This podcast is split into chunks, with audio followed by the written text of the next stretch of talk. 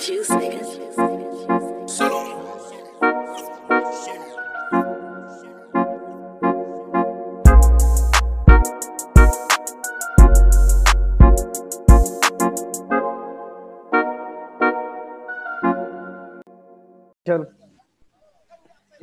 guys, welcome back to the Ring Podcast Indonesia.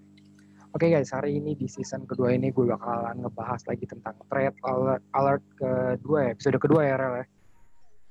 Ya, Kita hari ini cuman bisa dapat, kita cuma dapat dua trade alert. Eh kita bakal nge- ngebahas dua dua bahasan doang. Itu tentang uh, Rockets trade Westbrook ke Wizard untuk John Wall and first round pick. Oke oke oke. Sebelumnya eh, gimana nih menurut lo eh, tentang si John Wall di trade ke Houston and Brody to Washington? eh, yang pertama agak kaget sih dapat berita trade tiba-tiba. Ih, sebenarnya kan Westbrook udah pasti di trade ya, cuman kita nggak tahu ke mana. Pilihan Rockets ju- juga buat nge-trade buat John Wall kayaknya agak sedikit gambling karena di sisi lain kan John Wall baru sembuh nih tahun ini. Gerak tubuhnya belum balik ke bentuk semula, tapi istilahnya dia udah coba keep in touch sama play-nya dia deh. Cuman kan Yep. nih orang kan udah dua tahun nih yang nggak main ya. Dan kita tahu lah NBA makin tahun makin berkembang kan dengan banyak pemain muda, dengan umur dia yang semakin tua. Jadinya banyak faktor yang mempengaruhi dia buat uh, bounce back ke performa terbaiknya. Yep.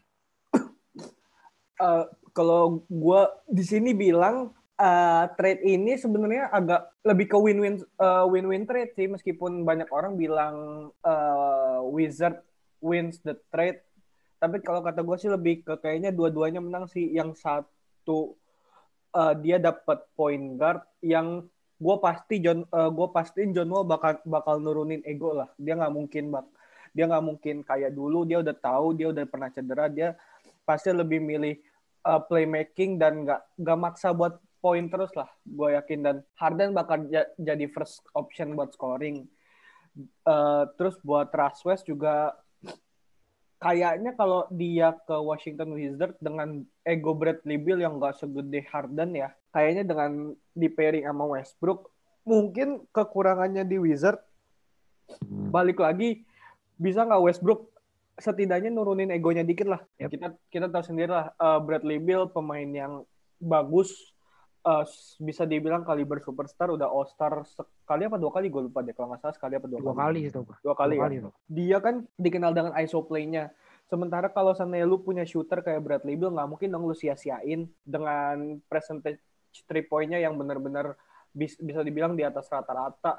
Kalau kata gue sih dengan datangnya Westbrook, mungkin satu sisi bakal nguatin playmaking-nya dia, tapi catatannya eh, Westbrook Westbrook ini harus nurunin egonya dia sih dengan dia jangan terlalu banyak coba shooting, jangan terlalu banyak eh, ngedrive ngedrive maksa lah istilahnya. Dengan opsi dia bisa kick out ke sekarang dia punya Rui. Hachimura yang udah bisa three point. Bradley Beal yang three pointnya bagus. Denny Advia kita tahu sendiri dia di Eropa mainnya gimana. Dia punya opsi banyak nih. Kalau seandainya Westbrook bisa manfaatin ini tim kalau kata gue Westbrook bisa carry this team minimal minimalnya top 5 di. Eastern Conference kalau kata gue Ya. itu sih kalau menurut gue Ya gue setuju sih ya. Sebenarnya yang win rate sih menurut gue Houston sih. Houston parah sih yang win rate. Tapi eh, di Wizard juga win juga sih. Soalnya apa namanya eh, Westbrook juga bukan player yang abal-abal yang maksudnya yang bukan apa namanya bukan all star yang yang benar apa namanya yang berkualitas lah ya intinya ya. Oke oke oke. Terus eh, kita beralih ke ini aja kali. Ke Eh, gue Detroit mau Pistons. eh, Eh. ini kali ya, uh, nyorot dikit dari Houston ya. Tadi gue ke Wizards dong, mungkin ke Houstonnya belum gue sorot ya. Sekarang kan dia udah punya John Wall, Harden, Boogie Cousins, terus dia punya, Oh iya iya. iya. gue lupa deh. Pokoknya sekarang kan core-nya dia di tiga pemain ini. Kita tahu lah eh, banyak pelatih muda yang bisa eh, dia nggak punya ego, jadi dia bisa ngatur pemainnya seleluasa mungkin kayak Steve Kerr di Golden State tahun 2015-2016 dia termasuk pelatih muda, dia bisa bawa Golden State Warriors sampai juara dengan Steph Clay, Draymond Green, Andre Iguodala yang kita tahu pas dulu di, Sixers bisa dibilang dia jadi starnya. Terus Eric Spoelstra tahun 2011 dengan dia bawa Miami Heat. Ya terus ini ada LeBron, Dwayne Wade, Chris Bosh yang bisa dibilang udah pemain yang kalibernya udah jauh banget, udah tinggi banget kan. Terus kalau balik ke zaman dulu ada Petra Petra Eli yang nggak bawa Lakers juara. Jadi kayaknya dengan tiga pemain yang istilahnya udah experience dan pelatihnya Stephen Silas kayaknya uh, bakal ada kejutan sih dari Rockets. Gue nggak nggak bisa prediksi dia di peringkat berapa, tapi bakal ada kejutan sih. Ya sih kita juga bisa lihat dari pemain-pemain yang sekarang ada juga udah bisa inilah bisa kita tebak, tebak lah. Dia bakal masuk uh, uh, ya top mungkin menurut gue bakal masuk top 5 sih di West menurut gue ya. Mungkin gue gue jujur nggak bisa ngeprediksi tapi setidaknya dia buat mempertahankan posisi playoff masuk sih cuman di posisi berapa gue nggak bisa prediksi karena masih masih masih belum kelihatan juga nih mungkin kita bisa ngeliat dari precision precision precisionnya nanti gimana mainnya dia gimana gameplaynya dia mungkin bakal kelihatan di situ sih oke oke oke oke jadi uh, apa namanya kesimpulannya dua win trade lah ya dan gue dua bakalan jadi uh, tim yang lumayan berbahaya juga di NBA musim depan yang bakal diselenggarakan tanggal 22 Desember. Jangan lupa kalian untuk nonton first game ya semua. Oke oke. Oke kita next lanjut. Kita ini gue ada satu berita lagi nih. Uh, Langelo Ball bergabung dengan Detroit Pistons cuy. Mendadak banget sih, gue kaget sih. Uh, Sekarang ada three ball di NBA gimana nih? Jujur kayaknya agak aneh ya dia pertama dia di undrafted oh bukan undrafted ya dia lebih ke di kontrak tapi kan kontraknya masih two way kontrak ya jadi kondisinya ya, dia dilihat di dua minggu ini kalau dia dua minggu bisa ngebuktiin mungkin dia bakal dipermanenin buat mungkin satu dua season. Gue jujur nggak ngelihat permainannya dia ya. Mungkin pas di Lutonia sempat ngelihat cuman kayaknya kalau buat depth mungkin uh, bisa ya. Tapi balik lagi sih sebenarnya uh, ini pemain belum masih raw aja kualitas yang kita kan nggak tahu nih. Uh, dia lalang buana lah di Euro uh, Euro basketball tapi kayaknya buat di Detroit.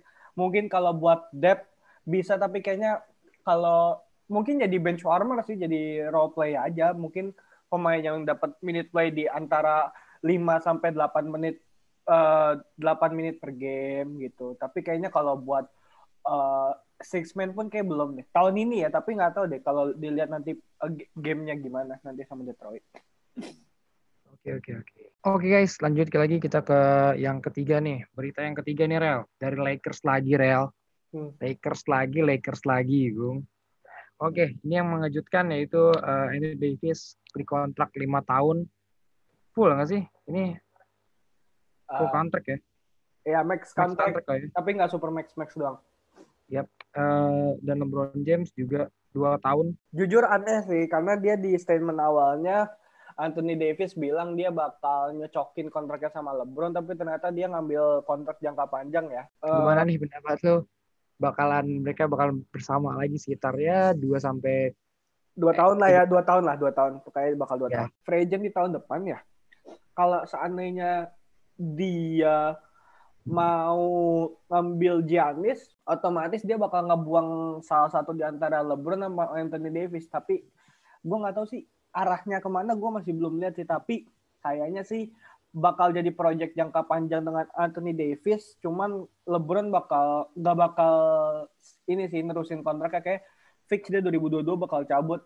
Either dia cabut buat balik ke Cleveland atau ke mana gue nggak uh, masih belum tahu. Tapi nggak bakal lanjut sama Lakers menurut gue ya? Ya kalau menurut gue sih uh, LeBron sama Anthony Davis kalau misalnya kita sisi kita lihat dari sisi permainannya emang bagus tapi ya kembali kepada yang tadi juga yang statement yang Anthony Davis bilang juga yang pengen cokin sama LeBron itu kayaknya uh, bukan bullshit sih tapi menurut gue mungkin dia bakalan loyal nggak sih di Lakers?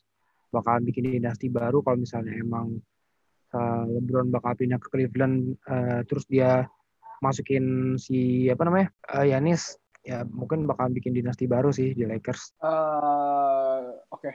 tapi uh, mung ya mungkin sih, uh, tapi kayaknya sih nih orang kan emang dari pas di New Orleans Pelicans emang udah bisa dibilang bukan pemain yang pengen dikit-dikit pindah klub segala macam. Enggak dia bertahan di New Orleans Pelicans tuh kalau nggak salah dia tuh di draft 2000 berapa sih? Gue lupa. 12 11 gue lupa. ya itu. Terus dia bertahan sampai 2018 itu udah lumayan lama lah. Terus dia sekarang di Lakers sampai berarti 2025 ya ini orang emang bukan 2019 pemain Real. eh 2019 ya 2019 ya emang nih orang ini sih emang nih orang bukan pemain yang dikit-dikit pindah klub tapi kayaknya abis 2025 dia bakal balik ke ini sih tanah eh, ke kota kelahirannya dia bakal balik ke Chicago sih. Cuman dia di- sampai di 2025 kayaknya emang project jangka panjang dia sama Lakers sih. Ya, oke oke oke guys. Mungkin segitu saja untuk berita-berita trade NBA hari ini. Thanks for watching guys. Eh, salam The Ring Podcast. Bye bye. bye peace Ya, kita juga dapat beberapa rumor kan beberapa hari lalu juga eh, beberapa minggu lalu ya kayak dia bakal mau pindah ke Chicago Bulls juga